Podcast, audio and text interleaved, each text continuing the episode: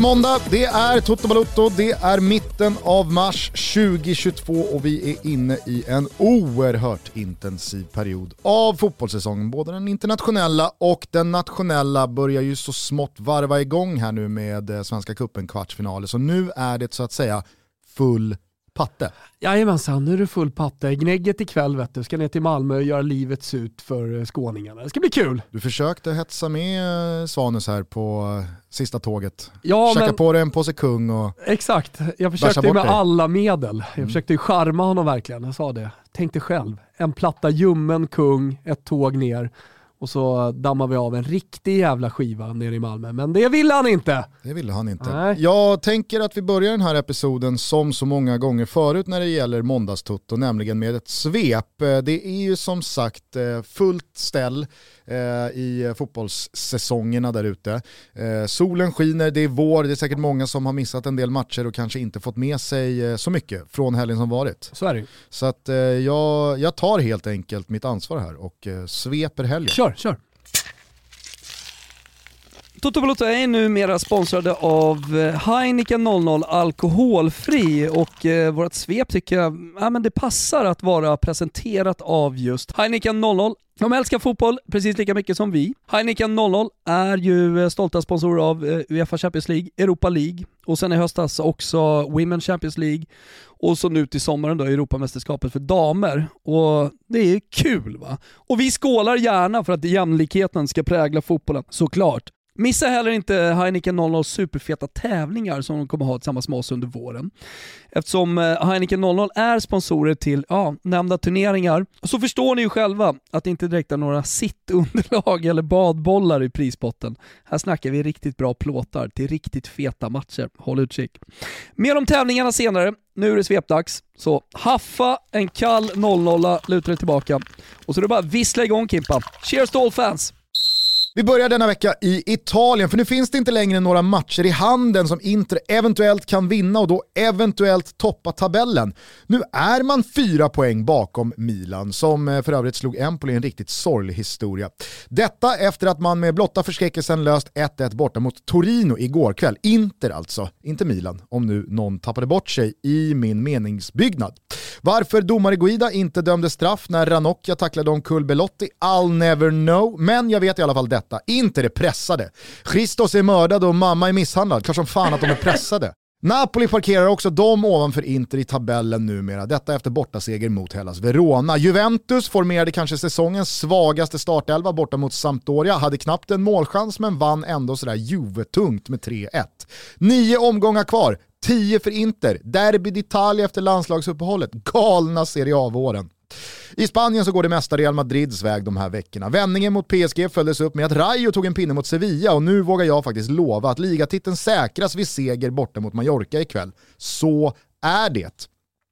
Och vill det sig riktigt illa för Lopetegi och hans Sevilla så får de se sig passerade av Barca när säsongen summeras. Xavis målmaskin stormar fram och kör över allt i sin väg. Igår var det Osasuna som dräptes med 4-0. Ferran Torres gånger två, Auba och Ricky fucking Push.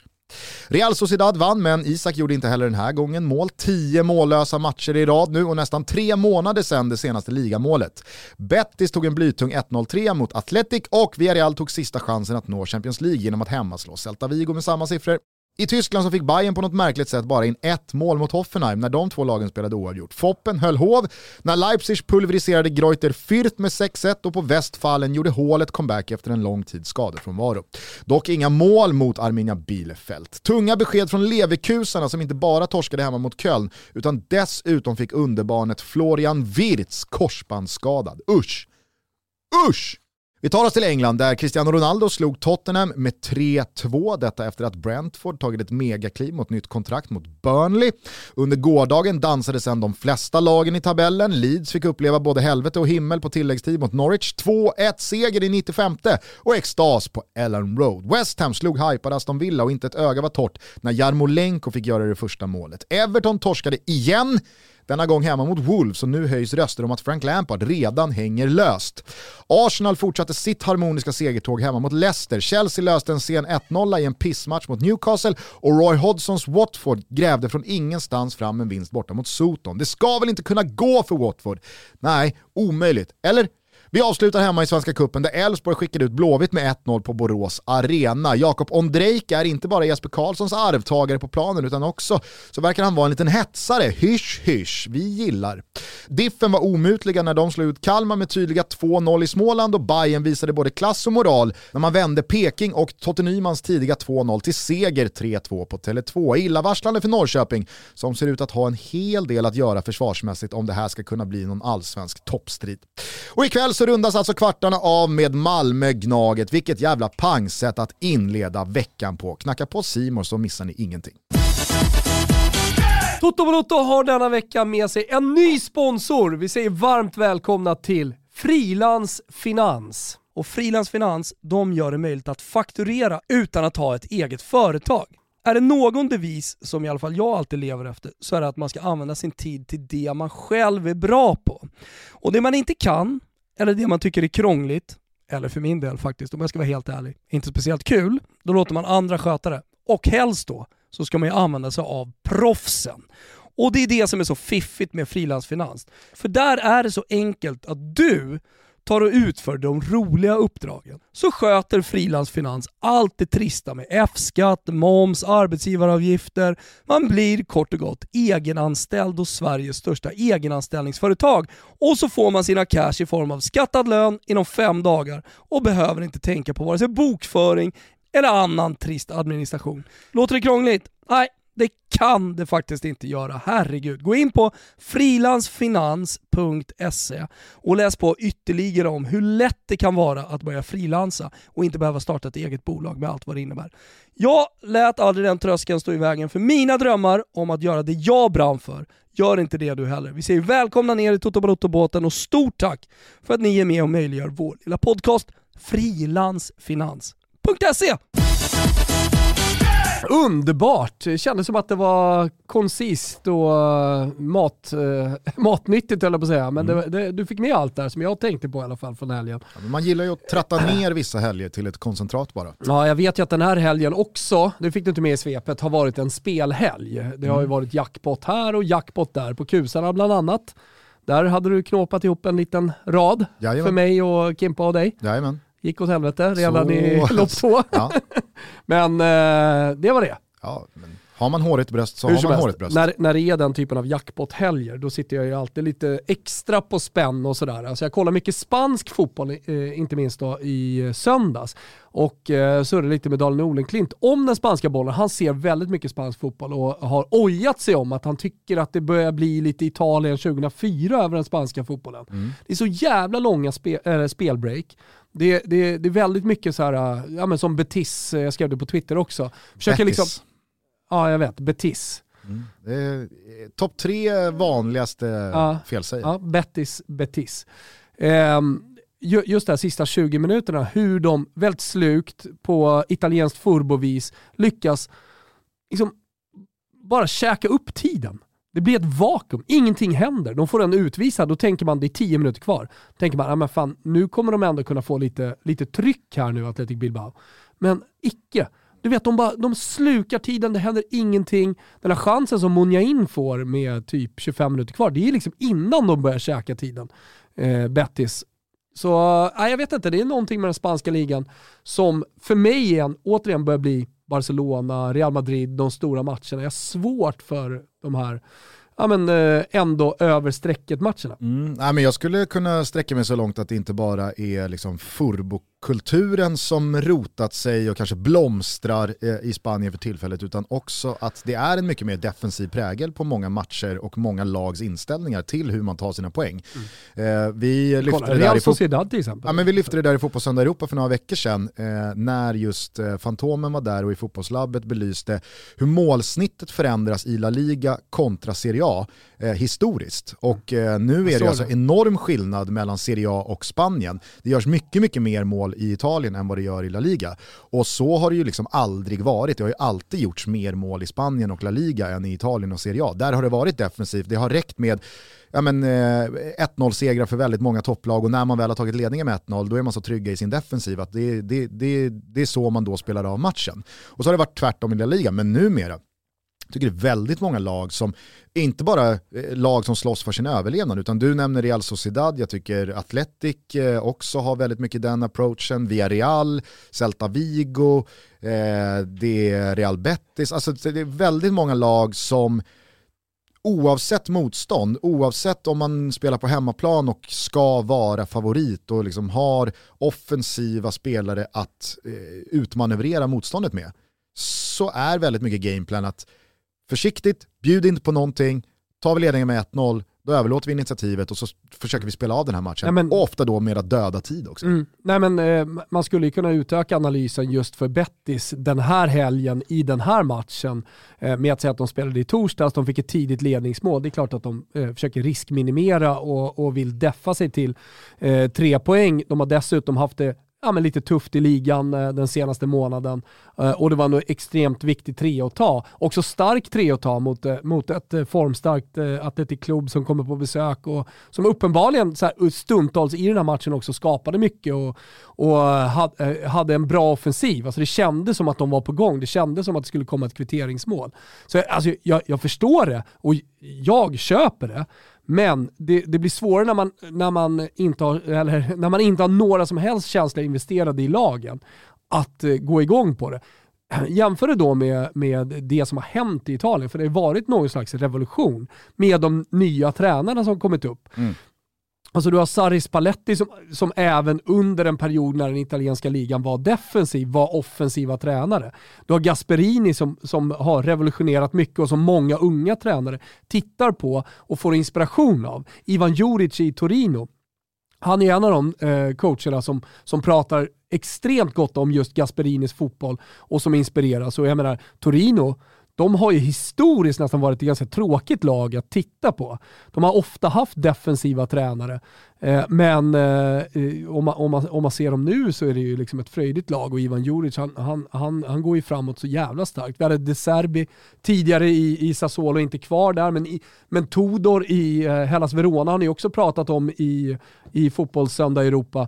Alltså en fantastisk tränare sett till den fotbollen de spelar. Italiano i Fiorentina, naiv. Så i, man, man, man kan ju tycka att eh, Fiorentina nästan är lite för naiva. Eh, i, i, i stunder, man inte kan försvara ledning och så här. Nu vann de 1-0 i helgen visserligen, men, men eh, det, det, är ofta liksom öppet bakåt men jävligt fröjdigt framåt. Så många av de här yngre tränarna som har, som har kommit upp är ju eh, ja, men offensivt präglade. Kollar du på Roberto Mancini också, det italienska landslaget, spelar en ganska framåtlutad 4-3-3 med hög press. Så, så det, det, det har hänt någonting i Italien. Balans, tror... Balanserar man upp det med Mourinho? Exakt. Som eh, har eh, dragit åt eh, kranarna här nu hos eh, Roma igen. Ja, man, alltså, du, du, kan ju säga Max Allegri som, som är den bästa italienska tränaren på 10-talet. Mm. Det, det, det är ju en tränare som gärna vinner cyniskt med 1-0 och 2-0. Vet du vem man ännu inte riktigt förstår? Alltså jag, jag blir inte klok på Piolis Milan. På Piolis... Alltså vad är han Exakt. för någonting? Ja, jag håller med dig. Alltså speciellt om du ska hålla på och väga det offensivt defensivt. Men, men han lutar ändå mot att vara en tränare som vill framåt. Ja, men, men, men, han, den, men, han gör det inte speciellt bra han har ju den spel, han har ju många så snabba spelare som jag tycker också präglar eh, liksom Milans taktik. Alltså för, för i slutändan så kan du ställa upp det numerärt precis hur du vill, men stoppar du in snabba spelare i vilken eh, spelmodell som helst så, så kommer du få en fotboll som eh, såklart präglas av spelarna oavsett hur, hur, hur det ser ut i numren. Och jag menar, Leao och Theo Hernandez på vänsterkanten. Nu ska ju Sälemäkers bort i, i sommar, men det är, det är fortfarande en spelare som gillar att utmana. Eh, du, ja, men, alltså, du, du har en tydlig nia i mitten som du söker ganska ofta också med snabba yttrar. Det är väl har, har, du bra spelare där med ytterbackar som gillar att fylla på, Calabria på högerkanten också. Det är Fast, klart att det, ja. klart, klart det, det, det, När det har varit Calabria, Junior Messias så är det också så här, nej. Det, de har inte lyckats på högerkant. De har inte lyckats, Calabria tycker jag, tycker jag är bra, men alltså, de har inte lyckats hitta en Leao till högerkanten. Nej. Som du säger, Junior Messias är en tillfällig lösning för att eh, förhoppningsvis hitta någonting betydligt bättre där. Jag blir i alla fall inte klok på Piolis Milan för att jag kan absolut köpa att ett lag springer bra eller eh, har stolpe ut och marginalerna emot sig i 5, 6, 7, 8 matcher. Och så kan man vikta de här siffrorna mot underliggande expected goals-siffror och man kan konstatera att ja, men här har Milan fått med sig alldeles för många poäng än vad man har gjort sig förtjänt av. Eller tvärtom, här skulle man ha haft med sig fler poäng. Men nu, alltså det är snart två fulla säsonger av Piolis Milan som på något sätt krånglar sig ur match efter match efter match med spelmässiga insatser som inte övertygar men man håller nollan, man gör det där målet mer än motståndarna, man tar sin trea och som jag sa i svepet, för de flesta lagen så återstår det nio matcher. Man har spelat, alltså, man har spelat eh, 29 omgångar och eh, man toppar tabellen. Så att det går ju heller liksom inte att eh, på något sätt påstå att tabellen skulle ljuga. Vi är inte fyra omgångar in eller elva omgångar in, utan vi är 29 omgångar in, Milan leder.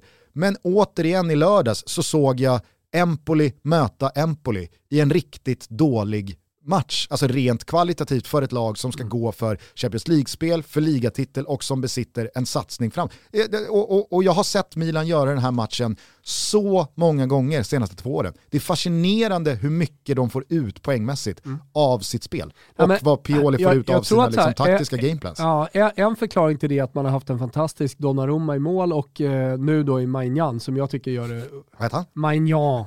är det så du vill att jag ska säga? Alltså, Hey, I'm Ryan Reynolds. At Mint Mobile, we like to do the opposite of what Big Wireless does. They charge you a lot, we charge you a little. So naturally, when they announced they'd be raising their prices due to inflation, we decided to deflate our prices due to not hating you. That's right. We're cutting the price of Mint Unlimited from $30 a month to just $15 a month. Give it a try at mintmobile.com slash switch. $45 upfront for three months plus taxes and fees. Promote for new customers for limited time. Unlimited more than 40 gigabytes per month. Slows. Full terms at mintmobile.com.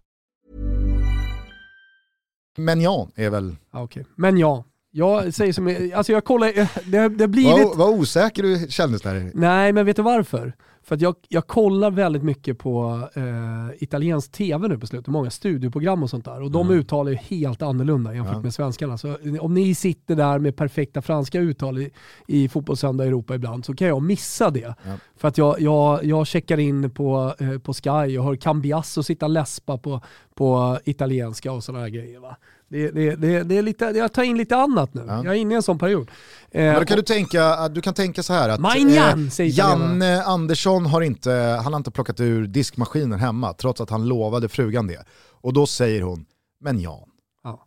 Så uttalar man det. Ja. Skarpt av dig. en liten lathund. Ja, en liten lathund. För alla er som är osäkra exakt, på hur man uttalar exakt. hans namn. Ja, men sen blir det ju alltid så, om, det är, om, du hör, om du hör tusen gånger så hör du tre gånger andra, då är det andra som sätter sig. Men jag skulle i alla fall säga det, eh, också ett jävligt starkt mittlås med, med Kjär och sen när Tomori kom in så fick man till det.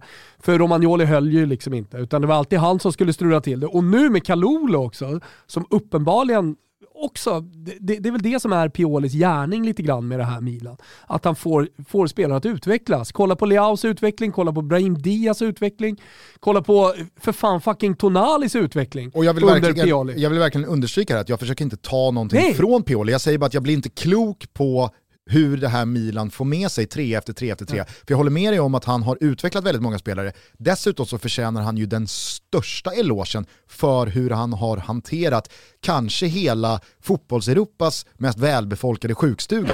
Han har haft enormt mycket skador och covid och avstängningar hit och bortfall dit. Alltså så som han har fått trolla med knäna och pussla ihop de där älvorna med afrikanska mästerskap. Och, mm. ja, men det, det, det är otroligt hur han har fått ihop det. Mm. Nej men eh, tänk dig då när Milan börjar flyga och man sätter alla pusselbitar. Det här, det här är ju eh, trots allt ett projekt som är pågående. Alltså man är ju långt ifrån där man vill vara. Man jobbar ju på vidare. Jag tycker att man gör rätt hela tiden. Om man nu ska bara försöka knyta upp säcken om det blir någon slags Milan-segment här. Men med, när jag ser att Sälemäkers är på väg bort då blir jag glad någonstans för Milan-supportrarna. Mm. För att ja, men där håller inte riktigt samma nivå som Leao. Hitta någon annan gubbe där ute, vem nu det kan vara. Och när jag ser att Renato Sanchez är på väg in och att man går all in för honom till sommaren.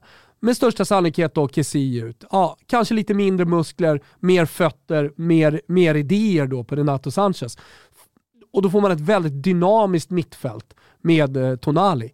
Och vad tänker man nu med Milan? Man har ju hamnat där. Spelare vill dit. Alltså, spelare blir bra i Milan. Renato Sanchez känner man ju direkt att han måste hamna i en bra miljö. Tänk om det hade varit för två år sedan. Milan hade kommit. Helvete, inte det jävla skitlaget. Där blir man dålig. Nu är det ju tvärtom. Nu är det ett Milan som är på väg upp och han blir en pusselbit och han kommer förmodligen växa också att spela i den miljön. Och nu är det ju ett Milan som alltså går in i eh, den här sista fjärdedelen av ligaspelet som eh, tabelletta. Eh, och nu har de ju absolut ingenting att eh, spara på. Eh, Napoli studsar tillbaka efter den där torsken mot just Milan, slår Hellas borta eh, på Bentegodi, imponerande i sig. Juventus kravlar och krånglar fram en trea borta mot ett eh, hemmastarkt Sampdoria här under Gianpaolo.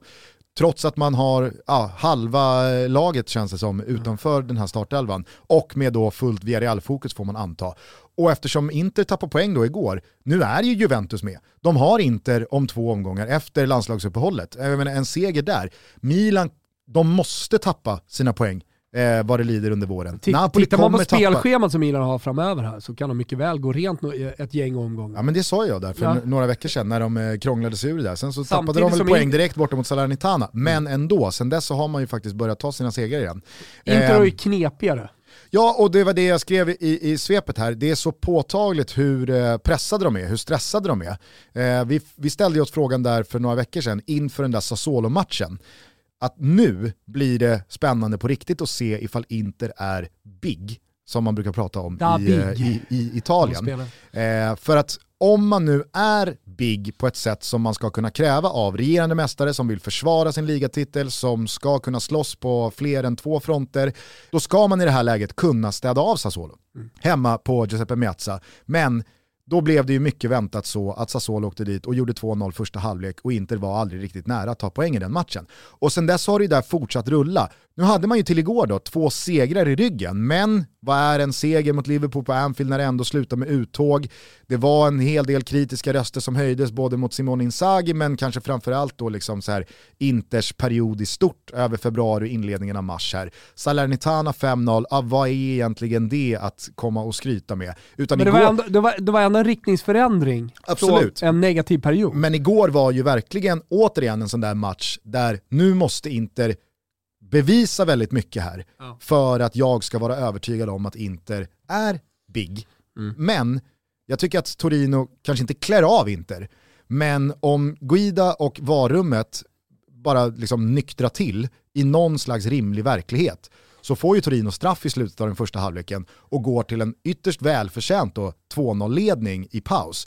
Och leder man med 2-0 inför den andra halvleken. Ja, med, med den ängsligheten som finns i Inter det det ska sägas också. Det är klart att den andra halvleken ska spelas och Inter kan absolut göra 2-2 av den matchen. Men jag ger ju Torino väldigt goda möjligheter att stänga den saknar matchen heller och, inte och, och, vinna. Nej, precis. På Bega på bortre stolpe till exempel tänker jag på. Ja, men sen saknar ju inte Inter chanser i den här matchen heller. Nej. Det är väl klart att 1-1 rent chansmässigt inte är helt uppåt väggarna. Men det är ju ett Inter som i det här läget kommer ut och rent karaktärsmässigt, attitydsmässigt ser, som du säger, ängsliga ja, ut. Men de är lite patsa Inter, alltså det, det, de, jag, jag vet inte om de någonsin kommer vara eh, helt självklara i toppen. Och speciellt inte så som Serie A håller på att utveckla sig med de nya sju systrarna som kanske är åtta systrar med eh, andra randiga klubb, klubbar som, som eh, eh, uppenbarligen gör väldigt mycket rätt just nu. Som vi nämnde alldeles precis. Och att Juventus är ju verkligen på väg tillbaka tycker jag också gör mycket rätt eh, post Ronaldo i, i sina värvningar. Eh, så, så är, är det ju en Serie A-topp som inför 2022-2023 kommer vara väldigt svår att eh, Ja, men det, det, kommer vara svårt att tippa den, det kommer vara svårt att sätta en favorit. Och det kommer förmodligen landa i att man tycker att Juventus ändå trots allt är det. Kan du på något sätt förklara varför Guida och varummet inte minst eh, går in och dömer straff till Torino? Nej, det går ju inte. Nej, men, eh, fast alltså så här, det enda vi vet är ju att det inte blev straff. Jag och jag förstår jag inte Nej. hur. Nej, jag kollar på, faktiskt på er efterstudio. Det hade kanske varit intressant att höra om, eh, eh, eftersom Cambiasso uppenbarligen hittade en förklaring till varför Dzeko inte bytte, byttes in i, eh, eh i Liverpool Eh, med någon slags så här, ja men lite det faktiskt Marcello sa i er studio igår. Att så här, fast gubbar, vi har inte koll på skadesituationen. Hade han spelat en kvart där kanske han inte hade spelat mot Torino, den matchen, bla bla bla. Och så hade det blivit förlängning, vad hade hänt då? Hade laget ändå varit för obalanserade?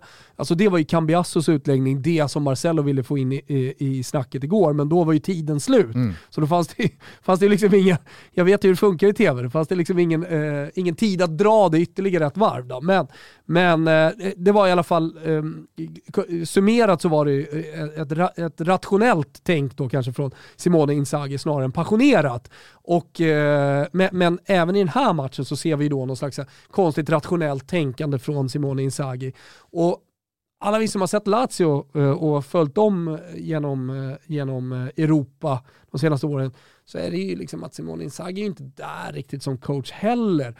Att bara hänga ut den och dunka monsterkuken i bordet och visa att man är i Serie A-toppen och slakta ligan och är klara i mars och sådär. Utan tvärtom så är Simone, fortfarande Simone Inzaghi fortfarande lite provinciell för mig. Eh, för, för att det inte ska kunna vara där. Jag tror också aspekten när en tränare går från, jag, alltså, Lazio är ju liksom, det, det, är ett väldigt mycket större lag från en större piazza än otroligt många klubbar i både Italien och i Europa. Men om man jämför Lazio, det Lazio som Simone Inzaghi har rattat med det Inter han tog över i somras så är det ju två helt olika typer av klubbar. Det är mm. två helt olika typer av scener. Och jag tror bara att inte bara i Simon Inzagis fall, utan i väldigt många tränares fall som ska göra liksom nästa steg i karriären och som ska upp ett pinnhål eller två på den där stegen. Det jag tror är den största tydliga skillnaden som är svårt att hantera, det är när man kommer från en klubb där det finns en elva. Du har en anfallsstjärna, du har ett mittfält som är satt, du har en backlinje som du litar på, du har en målvakt som ska stå. Okej, nu bytte väl Simone Inzaghi eh, en, en del slipsar under sin tid i Lazio. Men förstår du vad jag menar? Att det är en skillnad från att stå och ratta ett lag där du har din ordinarie elva, du har en trupp som är byggd för att kanske inte dubbla eller trippla med kuppspel. Du behöver inte snurra jättemycket utan du har din ordinarie elva, du kan göra ganska tydliga byten. Är det någon som är exceptionellt bra i 3, 4, 5 insatser i rad, ja men då kanske man kan göra anspråk på att ta sig in i den där startelvan. Mm. Men i övrigt så är det väldigt tacksamt att är alla bara skadefria och friska så är det det här laget som spelar. Ja. Att byta det mot en trupp med 15, 16, 17, 18 spelare som alla tycker sig ha fog för att ja, men, göra, göra sig gällande i en startelva som ska ha sina eh, minuter. Du, du måste nästan hela tiden rotera för att hålla alla de här spelarna nöjda. Jag menar, Simone Inzaghi vet ju att oavsett vilken elva jag ställer på benen så har jag landslagsmän, Champions League-spelare, stora egon som kommer vara utanför. Och de måste in vad att göra, men då, då kanske man hemfaller åt att göra de där raka bytena som är lite fega för att du vill inte, han pratar ju själv om det, att man vill inte ha ett för obalanserat lag givet vad som händer i utvecklingen av matchen. Men det blir också, han faller ju då på eget grepp. För jag tror att han, liksom så här, han försöker nog skydda sig själv lite gentemot sin spelartrupp, att göra så många som möjligt nöjda. Simon Inzaghi kanske hade mått bra av att under den här säsongen bara liksom markera mot en eller två spelare som kanske har en annan bild av sin egen aktie i det här laget att du, du, är inte, du ingår inte i mina planer. Den enda han har gjort så med det är väl liksom så den ständigt skadebenägna Stefano Sensi. Ja. Det, det, är den enda som Simon Inzaghi... Ja men så här, gjort alla, små markeringar, bytt, andra... ut, bytt ut Lautaro Martinez igår igen och han har ju varit lite sur över det. Exakt, men alla får just, alltså det, det, det är lite, den här senaste en och en halv månaden, det är lite liksom så pojklags-vibe. Alla ska få spela. Alla får ju spela. Mm. Alla får spela. Och, det, och det tror jag har möjligt. kostat Inter en del. Det, där, där, där är andra tränare eh, som har varit väldigt framgångsrika mycket, mycket mer tydliga med att man har en elva. Och den elvan är ganska klar. Och ja, det känner alla till. Och, och, och behöver man vila lite ben, behöver man rotera, ja men då låter man i alla fall en ja, men då väldigt hittar man tillfällen tydlig... under säsong att göra det på. Alltså, kolla på Jürgen Klopp till exempel, som jag tycker är någon slags mästare i det här, att hålla alla ja. eh, glada och nöjda. Och, och, att ha en trupp eh, som är i ständig harmoni, ett omklädningsrum som är välgjutet. Alltså, all, alla verkar ju vara glada. Jag är helt övertygad Oavsett om, att... om du sitter på bänken i stort sett Exakt. 90% av, av säsongen. Och jag är helt övertygad om att Minamino, eh, att eh, Origi. Origi, att eh, Konate och eller Joel Matip James Milner, alla de spelarna har fått så jävla raka rör från Klopp där han har sagt så här är det. Ja, men hur vet du det då att de är nöjda? Alltså i, i slutändan, förutom att de säger det och det verkar vara det och vi kan spekulera i att det är så. Jo, det är att de presterar på planen när Ja. de kommer in. Vilket de gör. Med något undantag kanske. Här tycker jag att det, det, det blir alldeles för många byten, det blir alldeles för många starter, Ja, det, blir, de det blir alldeles kommer för in. många inhopp som också signalerar att man är störd, man är irriterad, man är frustrerad. Ja, men det- Nej, jag, Du är inte övertygad. Nej, jag är det du inte övertygad. Sannerligen inte. Toto Balotto är sponsrade av Nordisk Film. För två månader sedan eh, då gjorde vi ett eh, litet specialavsnitt eh, om Zlatan. Och det var ju inför att det skulle vara premiär då för filmen Jag är Zlatan. Ni vet filmen om den otroliga, osannolika resan från Rosengård och ut i världen för att bli en av världens bästa spelare. Ja, men allt är historia efter det som hände och folk kanske har läst boken och så vidare. Det här följdes i alla fall upp med att vi eh, faktiskt höll en egen premiär, förhandsvisning av filmen. Stort tack till alla som kom på den. Men det kom lite corona emellan och eh, premiären sköts upp. Nu är det äntligen dags igen. Den 18 mars, jajamensan, då är det äntligen premiär för Jag är Zlatan och kan ni alla gå man ur huset och se den här filmen. Och jag ska säga det, gör det. Det är en otroligt bra film. Och ni vet alla som har sett eh, idrottsfilmer där det är eh, eh, sportmoment med när de spelar fotboll eller hockey eller vad det är. Ofta kan man bli lite besviken på det. Det blir man inte i den här filmen. Dessutom så är det väldigt genuint skådespeleri i filmen. Som jag och mina kompisar och när jag pratade med alla ni som var med på premiären också uppskattade väldigt mycket. Bland annat så gör ju både då Dominik Bayraktari Andersson och Granit Rushdie premiär som skådespelare. Och Då kanske man tänker så här, hur ska det gå? Ah, otroligt bra skådespeleri. Gå och se den här filmen, jag lovar att ni kommer inte bli besvikna. Manuset av David Lagerkrans Lagercrantz såklart och Jakob Bäckman och den är baserad på boken Jag är Zlatan Ibrahimovic. Producenterna gör ett otroligt bra jobb, Fredrik eh, Heining, Frida Bargo och Mattias Norborg. Shoutout till er. Och biljetterna de kan ni köpa på filmstaden.se, bio.se eller nfbio.se. Budskapet tydligt, 18 mars har Jag är Zlatan premiär. Gå och se den. Eh, ska vi lämna Italien, Ja. kanske ta oss till eh, England där Cristiano Ronaldo svarade på den där eh, oerhört omdiskuterade frånvaron i Manchester-derbyt med att göra hattrick mot Tottenham och i och med det alltså bli den meste officiella målskytten genom tiderna på dels klubblagsnivå och dels klubb kombinerat med landslagsmål. Han har ju sedan tidigare landslagsmålsrekordet, det tog han ju från Ali Dai där Just det. för eh, något halvår sedan va? Ja. Känns skönt på något sätt. Ali Dai liksom, spruta in mål mot Mongoliet och den typen av... Iranierna har ju inte haft mycket. Alltså de att, att, att, Dai, att, ja. att liksom hålla i handen rent fotbollsmässigt, att hävda sig med globalt. Men man har alltid haft de där 109 Ali Dai-pytsarna. Nu har man inte ens längre det. Kan jag tycka lite synd om iranierna eh, gentemot, absolut. Men nu är ju alltså Cristiano Ronaldo då meste målskytt, hur man än vrider och vänder på det. Den enda som motsäger sig det är väl Pelé, som skakade fram en 400 kassar till i träningsfighter och uppvisningsmatcher och jubileumshistorier och det ena med det tredje. Men Cristiano Ronaldos siffror är ju väldigt väldigt eh, konstaterade och bekräftade. Eh, så det är ingenting att snacka om. Vem är din eh, främst bästa iranska spelare genom tiderna? Har du någon sån go-to-gubbe? Jag är en väldigt stark, som jag eh, ja, men jobbade, tyckte väldigt mycket om under, under det är väl Ali Dai? Nej, Nähä. Ali Karimi, som spelar i Bayern München. Jaha, ja ja. ja. Han var ju, var han inte typ eh, Irans Ronaldinho? Lite grann under sin tid. Ja, i alla fall fantastisk fotbollsspelare. Han var ju eh, före Ronaldinho. Ja, han var fan före Ronaldinho. Så då var alltså Ronaldinho Brasiliens Nej, men jag, jag, tänk, jag, tänk, jag tänker mer på hans spelartyp, förstår du vad jag menar? Jag fattar, Mm. jag fattar. Men det finns Ja, något jag- jag orent det- i att Ja, köra men- liknelser med spelare man var förtida. Ja, men eh, är det inte så att de var ungefär samtidigt? Jo, det måste de ha varit. Annars hade ju inte, annars hade inte Ronaldinho dykt upp i mitt huvud. Eh, Ali Karimi spelade ju Bayern München 05-07. Ja, då, ja, då, Ja, där, då får jag exakt. backa. Ja. Backa är du gullig. Ja. Får jag se? Ja, där ja. Så, nu sitter du en bit bort. Det finns en rolig fattare-video som inleds med det. Ja. Backa, det är några snubbar som ska in på någon klubb. Ja. Backa, säger eh, vakten. Backa säger jag, B-A-K-A, backa.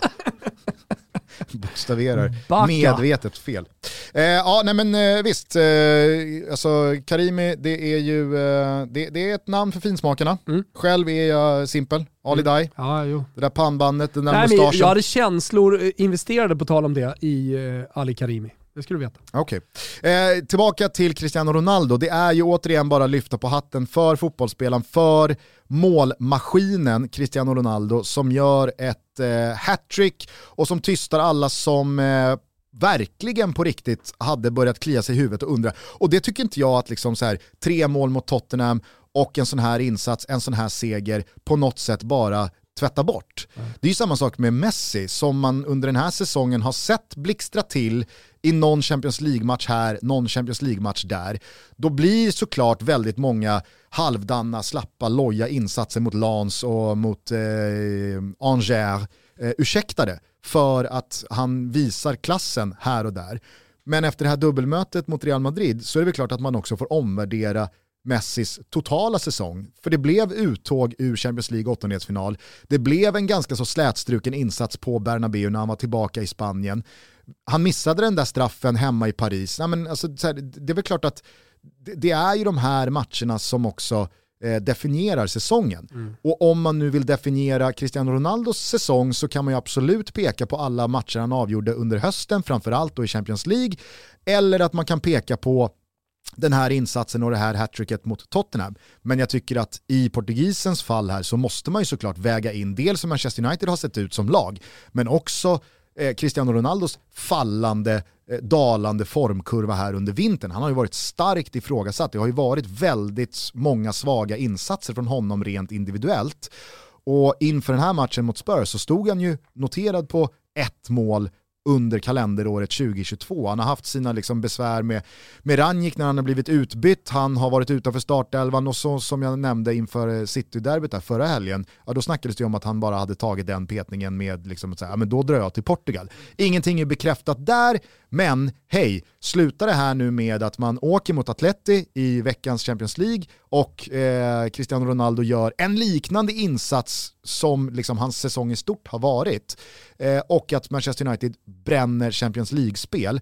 För det är ju väldigt mycket som talar för, jag läste någon, eh, någon hade tittat på, på tabelltoppen där att om United går rent i avslutningen här i Premier League Mm. så kan man som mest nå 77 poäng. Då behöver eh, Arsenal ta 26 av 36, för Arsenal har ju 12 matcher kvar att spela. Mm. Om, så länge Arsenal tar 26 poäng av de 36 möjliga poängen eh, så är eh, Manchester United utanför topp 4. Och då handlar det alltså om att Manchester United går rent. Det är väldigt svårt att se Manchester Mm. Det United göra. Således så är det ju liksom, jag vet inte vad Men Olenklint hade sagt, Arsenal men eh, det, det är en megafavorit på att United bränner Champions League utifrån ligaspelet. Ja, men så här, man, man är ju väldigt, om man bara rent känslomässigt eh, också tittar på de lagen, var de är. Jag hörde Ödegård igår prata om att han aldrig har varit i en sån här harm, harmonisk miljö. Nej. Tänk om han hade sagt det om Arsenal för ett år sedan. Äh, Ett om, halvår sedan. om, ja, ett halvår sedan. Eh, om ett halvår kommer Ödegård stå där och prata om den mest eh, harmoniska miljön han har varit i. Pratar om att allting är fantastiskt och på planen så rensar Arsenal rent.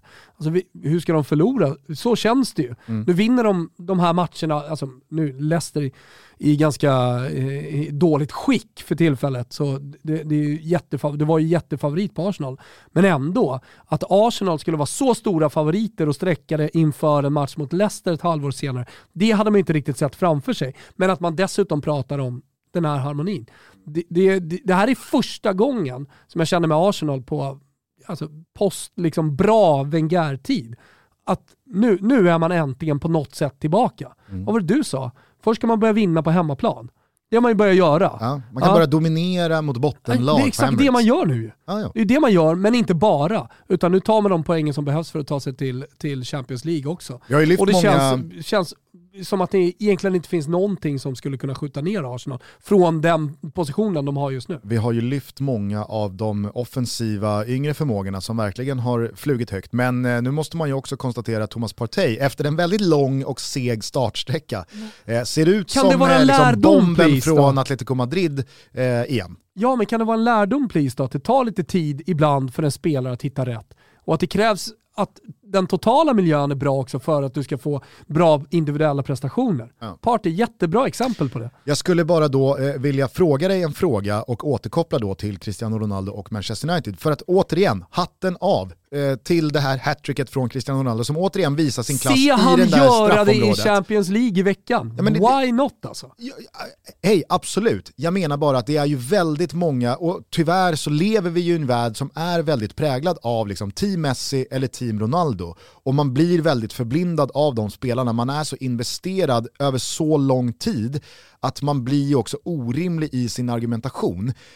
Alltså att göra tre mål mot Tottenham, det måste man väl också kunna isolera som en väldigt bra insats, men också kunna se det större perspektivet utifrån Manchester Uniteds säsong, utifrån Cristiano Ronaldos vinter och inledning av våren här.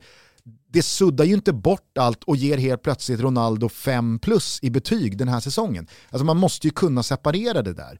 Eh, så att det, det ska bli, ja, vi sa ju det för, för några veckor sedan, när United då, eller det var väl ja, två veckor sedan då, när United skulle kliva in i det här brutala spelschemat med först då City och sen Spurs och så är det Atletico Madrid i, i, eh, i åttondelsfinalreturerna och sen så fortsätter väl det här med, är det Liverpool man har på, på Anfield?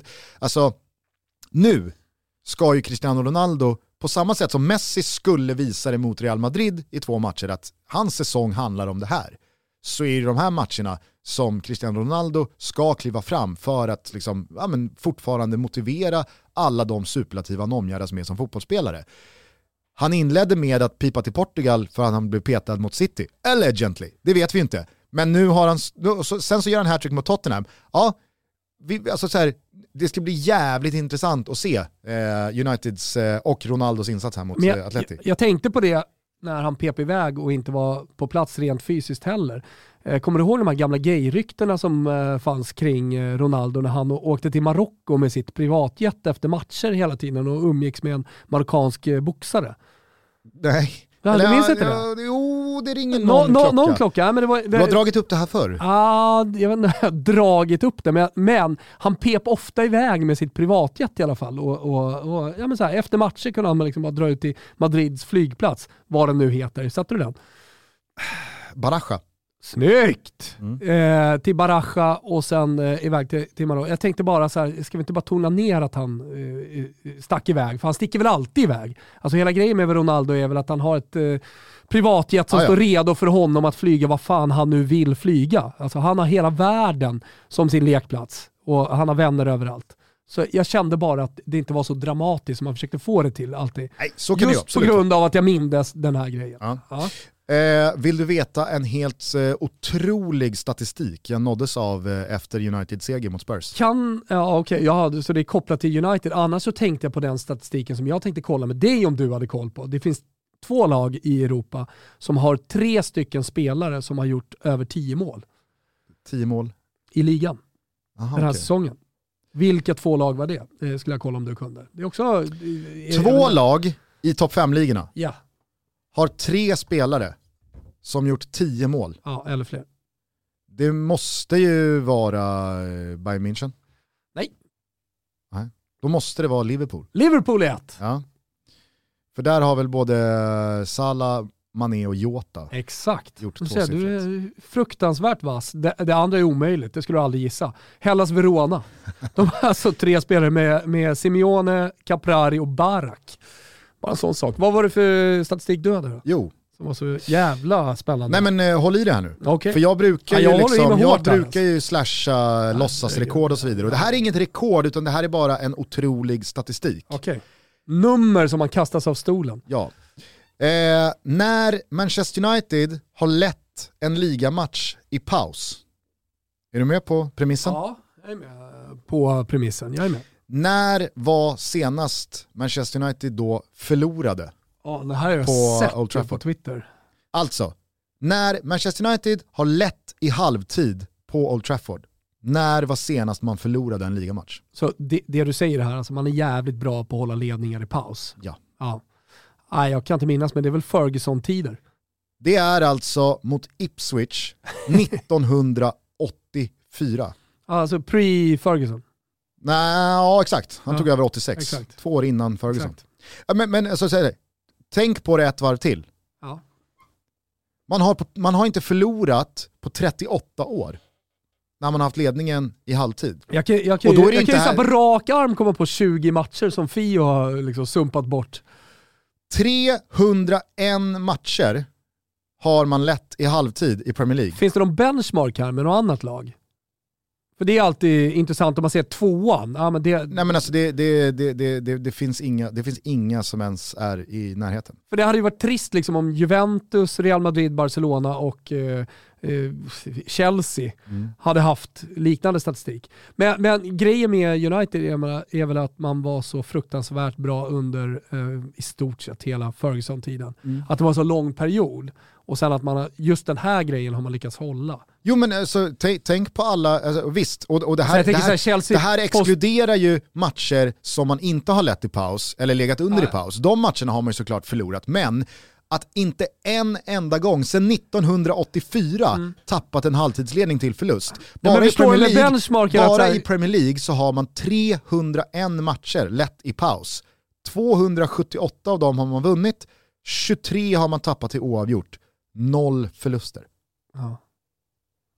Ja, men det- det hade varit, Omskakande. det, ja, det är omskakande, men det hade varit ännu mer omskakande om vi fick ett, liksom ett annat exempel. Hur ser det ut för den eller den? Det, till exempel så här då, att det hade hänt Real Madrid, Juventus, Real Madrid och Juventus och Bayern München två gånger, tre gånger och fyra gånger under den här tiden. Ja. Alltså från 84 och framåt. Mm.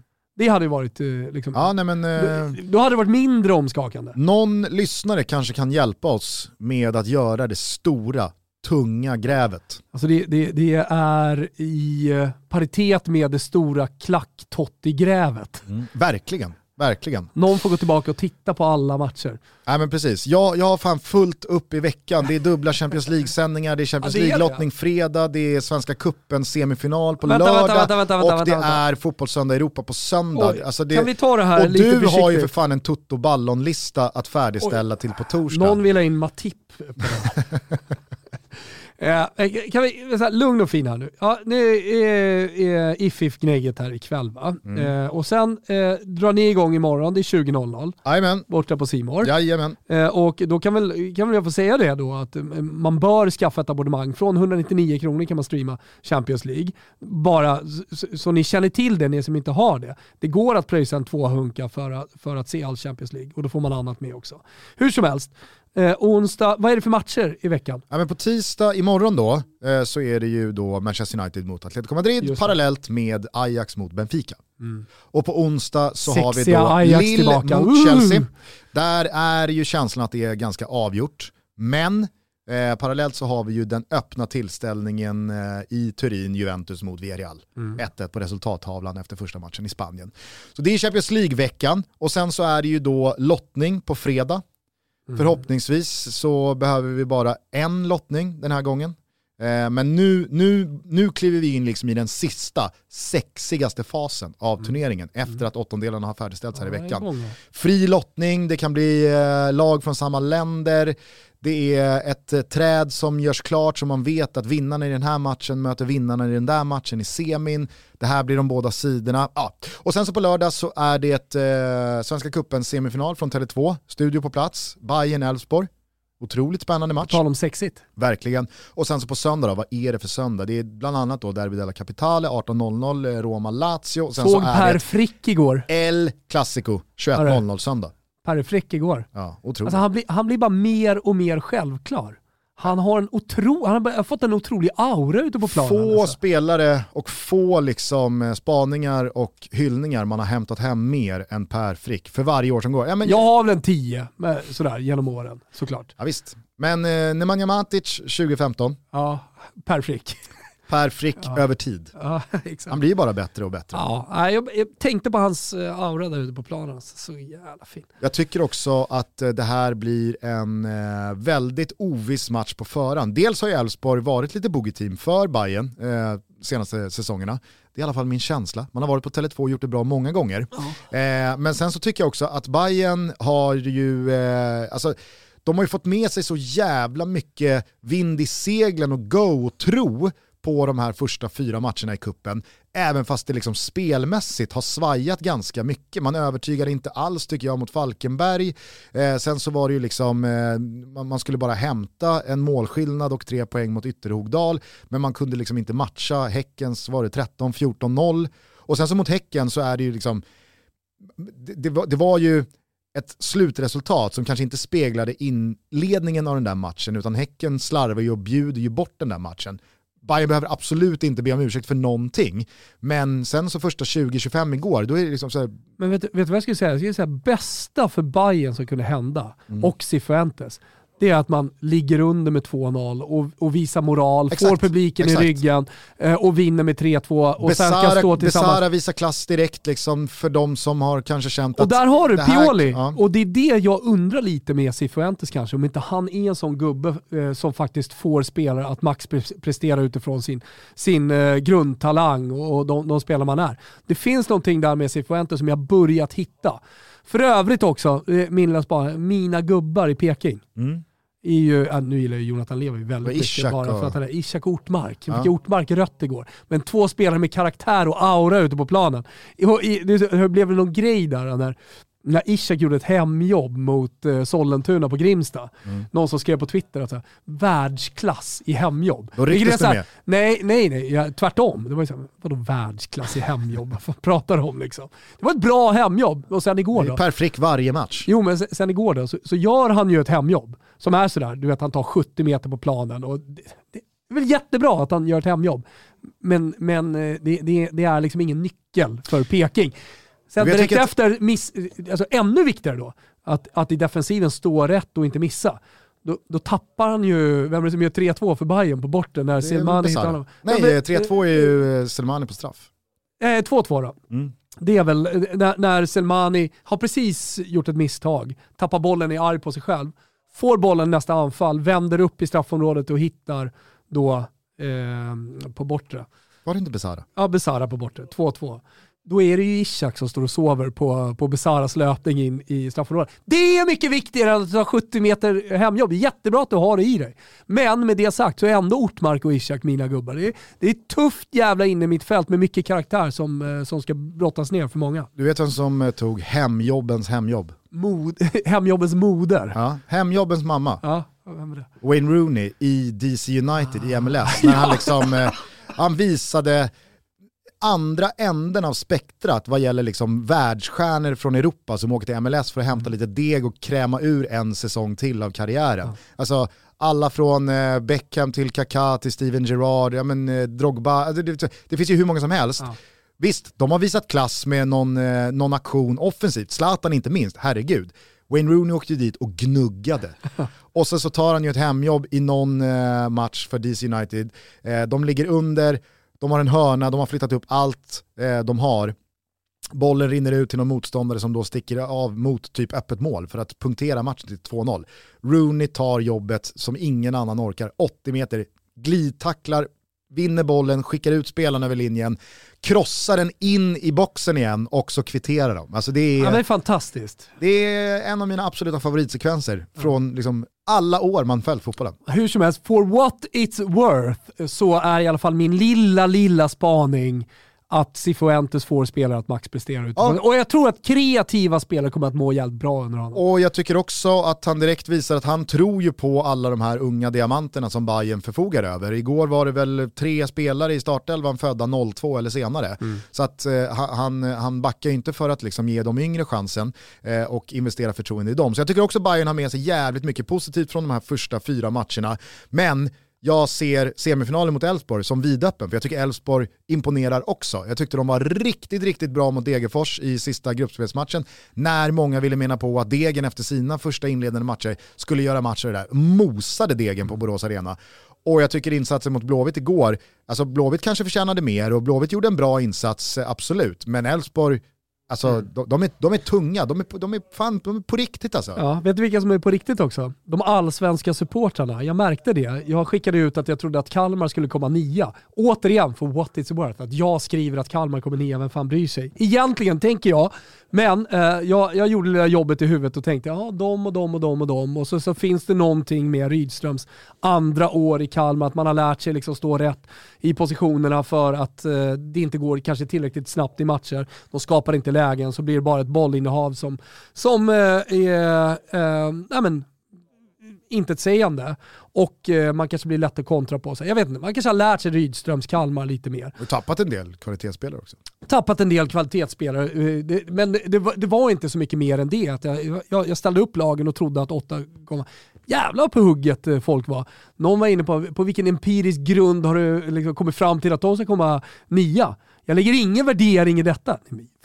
Det, det, det betyder heller inget, det var bara någonting jag skrev. Men jag märker att folk är på tå. Ja, Kalmargubbarna var på tå direkt till exempel. ja Och- men det är väl kul. Ja, jag, jag, jag menar det. Det, det är snudd, schnitzel till det. Att eh, de allsvenska supportrarna är på gång. Och eh, får jag kasta in en liten gulasch då samtidigt? Eller? Absolut. Eh, gulaschen går till... Eh, Yin och yang. yin och yang går till eh, Kurva Sud. Heter det inte ying? Vad sa jag? Yin. Det är för att jag är så jävla sugen på GT. det är inte konstigt än så Yin och, yin och chang. Ingen, ingen jävla runk kring, kring vilken tonic du har och skit. Utan ge mig bara en GT, det kan vara vad fan som helst. Ja. Stark ska den vara. 40 års pipa grogg. Ja, En sån GT. Ja, ja, ja. Eh, men eh, jo, Curva Sud i Verona. Och jag körde en banderoll inför matchen mot Napoli. Ni vet, det finns en historisk rivalitet nord-syd. Eh, och eh, jag minns Napoli-supportarna, den klassiska banderollen, att Giulietta är en hora. Mm. Det kommer du ihåg? Alltså Romeo och Ja, Julia exakt. eh, för våra yngre lyssnare. Utspelas ju i Verona. Utspelas ju i Verona. Balkongen finns där, ta en kort när ni är där. Men framförallt, ät gott, drick gott vin från Veneto. Helst inte Amarone. Är det Amarone, då ska det kosta över tusen spänn. Annars blir det bara en jävla glögghistoria. Och det Eh, vet man att Johan Mjällbys Amarone-flarror gör. Därför är han ursäktad. Han är ursäktad. Med den, med den kroppen så är man på något sätt alltid ursäktad. Jag vet inte varför.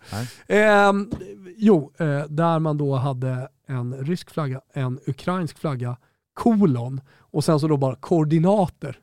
Och koordinaterna var då Napolis eh, historiska centrum. Så liksom bomba skiten ur det där också. Ni två tillsammans. Okej. Ja. Det var inte så snyggt. Nej, det var faktiskt inte så snyggt. Det var väl dessutom ganska tydliga rasistiska eh, påhopp mot både Exakt. Koulibaly och då. Exakt. Exakt. Så eh, stor, stor jävla gulasch. De må ha tre spelare som gjort eh, tvåsiffrigt antal mål framåt, men eh, det, det väger inte upp. Nej.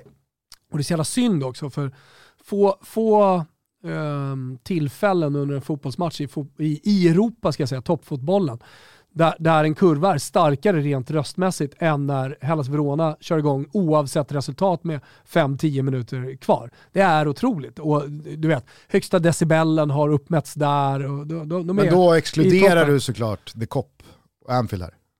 Det Exakt. fattar ju jag. Ja, det, men det fattar väl alla. Behöver Va? inte ens det, det, nämnas. där, där går, det- där går, det- det går inte att tävla mot. Alltså. De, det, det är väl, det är väl det är de ringa och Djurgården det som har högst toppar. Det börjar ringa i öronen bara du snackar om det. Ja, exakt. Eh, jag, eh, jag såg det på Twitter här. Eh, det, det, någon verkar ha skickat in ett förslag i Djurgårdsled om, ska vi inte ha en trumma ändå? Jävlar vad- de har gått igång på Sofia-läktaren. Den, Den- den där trumman, den, den, Den snubben har ligger någonstans kring Djurgårdsbrunn i kanalen just nu, nedsänkt. Eh, Jag ville bara säga det, precis som jag antydde i, i svepet där kring Peking. Jag kände att vi inte riktigt bara stängde det. Det är illavarslande när Rickard Norling-lag eh, inte ens kan lösa ett kryss när man leder med 2-0. Eh, det, det, det, det tar jag också med mig från den här kvartsfinalen mellan Bayern och Peking. Att är det någonting som jag inte hade liksom, eh, haft en god magkänsla kring när man ska in i den allsvenska säsongen så är det att så här, okej vi har 2-0 i en för säsongen väldigt viktig, alltså så här, jag menar löser man det, ja, då, är man, då är man två vinster från en titel, man är två vinster från eh, att få Europakvala i sommar. Men man sjabblar bort det och man gör det liksom fair and square. Det, det, det är inget mirakel att Bayern vänder det där till 3-2. Nej. Så att, eh, nej jag, jag I, är i, i, i, I mitt huvud snurrar just nu en ramsa. Jag tänker att Rickard Norling står där, han är gnagare.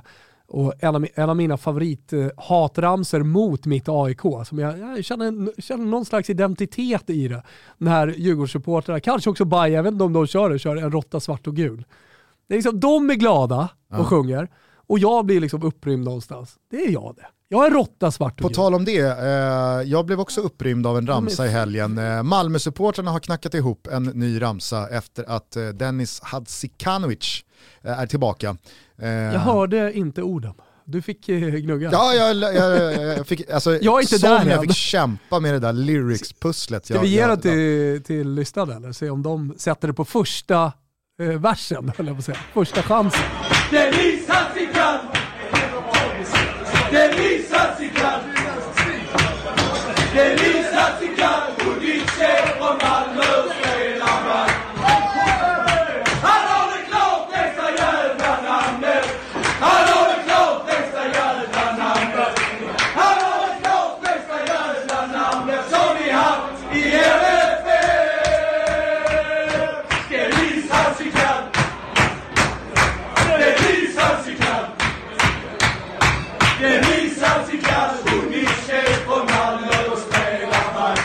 Ja, det, eh, Det är grötigt. det, Det, eh, eh, eh, det får man fan säga. Men också jävligt, jävligt fin. Närmare danskarna än så här kommer vi inte. Sätter du den om jag bara ställer frågan?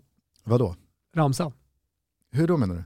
Sätter du den? Nej, nej. Sångmässigt? Ja, men, jag, alltså, så här, Fel. det, är ju, Dennis! det är ju någonting, jag vet inte varför, jag vet inte om du Nu vill känner jag samma få sak. att sjunga. Nej men alltså, så här, det är någonting med skånskan i just musik och sång som gör att jag instinktivt vill sjunga på skånska. Så, känner, alltså, Ah, så, här, så, så- gör man ju inte så blir med norrländska eller du- gotländska att eller är- göteborgska. som att du gör narr av dem. Göteborgska. Som att du gör narr av dem då i så fall om du skulle sjunga till exempel här i Toto. Nej men eh, om, om jag skulle be dig sjunga O'boy, Ja. Peps Persson, Oh boy! ja, då sjunger inte du den på stockholmska Oh eller rikssvenska. Vilket vackert. Nej, utan då, då, då vill man ju gå över till Oh boy, vilket vackert väder, Ja, så solen... Ja, eller så här, jag lyssnar väldigt mycket på Timbuktu Ja. i hela mitt liv. Ja. Man kör ju alltid skånskan, men det löser sig liksom. Det, det, det, det, måste man göra. Mm. Samma sak här, jag kan inte köra den här ramsan om jag inte försöker göra det på skånskan och då, det, går ju inte. Men som ni hör så har de ju då gjort om Feliz Navidad till då, och det gillar man ju, att de bara har kapat en del av hans namn. Ja. Denise Hadzika kör de ju bara. Inte hela efternamnet. Eh, och sen då... Och sen, eh, han har det klart bästa namnet i MFF. ja, nej men det, det, det är väl Denise Hadzika, Denise Hadzika, Denise Hadzikanovic är från Malmö och spelar back. Han har det klart bästa jävla namnet. Han har det klart bästa jävla namnet. Han har det klart bästa jävla namnet som vi haft i MFF. Du ser, det blir Ja. skånska Ja, eh, blir det, instinktivt. det blir det. Ja, Men jag tyckte det var kul, det var så här, fyndig, lustig, eh, väldigt bra. Ja. Väldigt bra. Ja, mycket bra. Mycket bra. Mycket bra. Eh, nej men hörru du, eh, med det sagt så kan vi väl bara ta sats in i den här oerhört intensiva jag.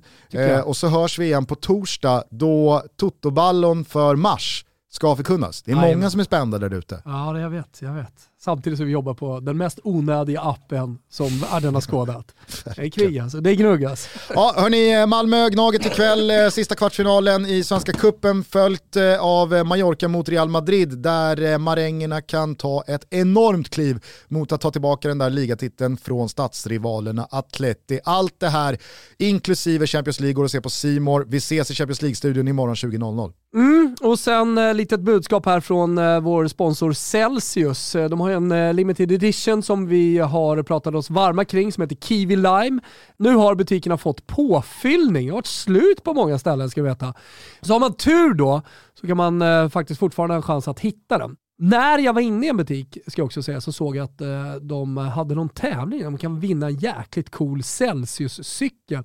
Så eh, det är väl ett budskap man kan skicka ut här också, att eh, håll utkik i era butiker när ni köper era Celsius. Kan vi vinna en eh, cool Celsius-cykel lagom till våren och det vill man ju. Toto Balutto önskar er alla en jävla fin start på veckan. Vi hörs om några dagar igen. Solen skiner i alla fall i huvudstaden så jag tycker att vi eh, drar väl igång Peps Perssons Ja. gamla episka alster och så kliver vi ur studion med lite studs i dojan. Ta hand om varandra, vi hörs eh, på torsdag. Ciao! Ciao!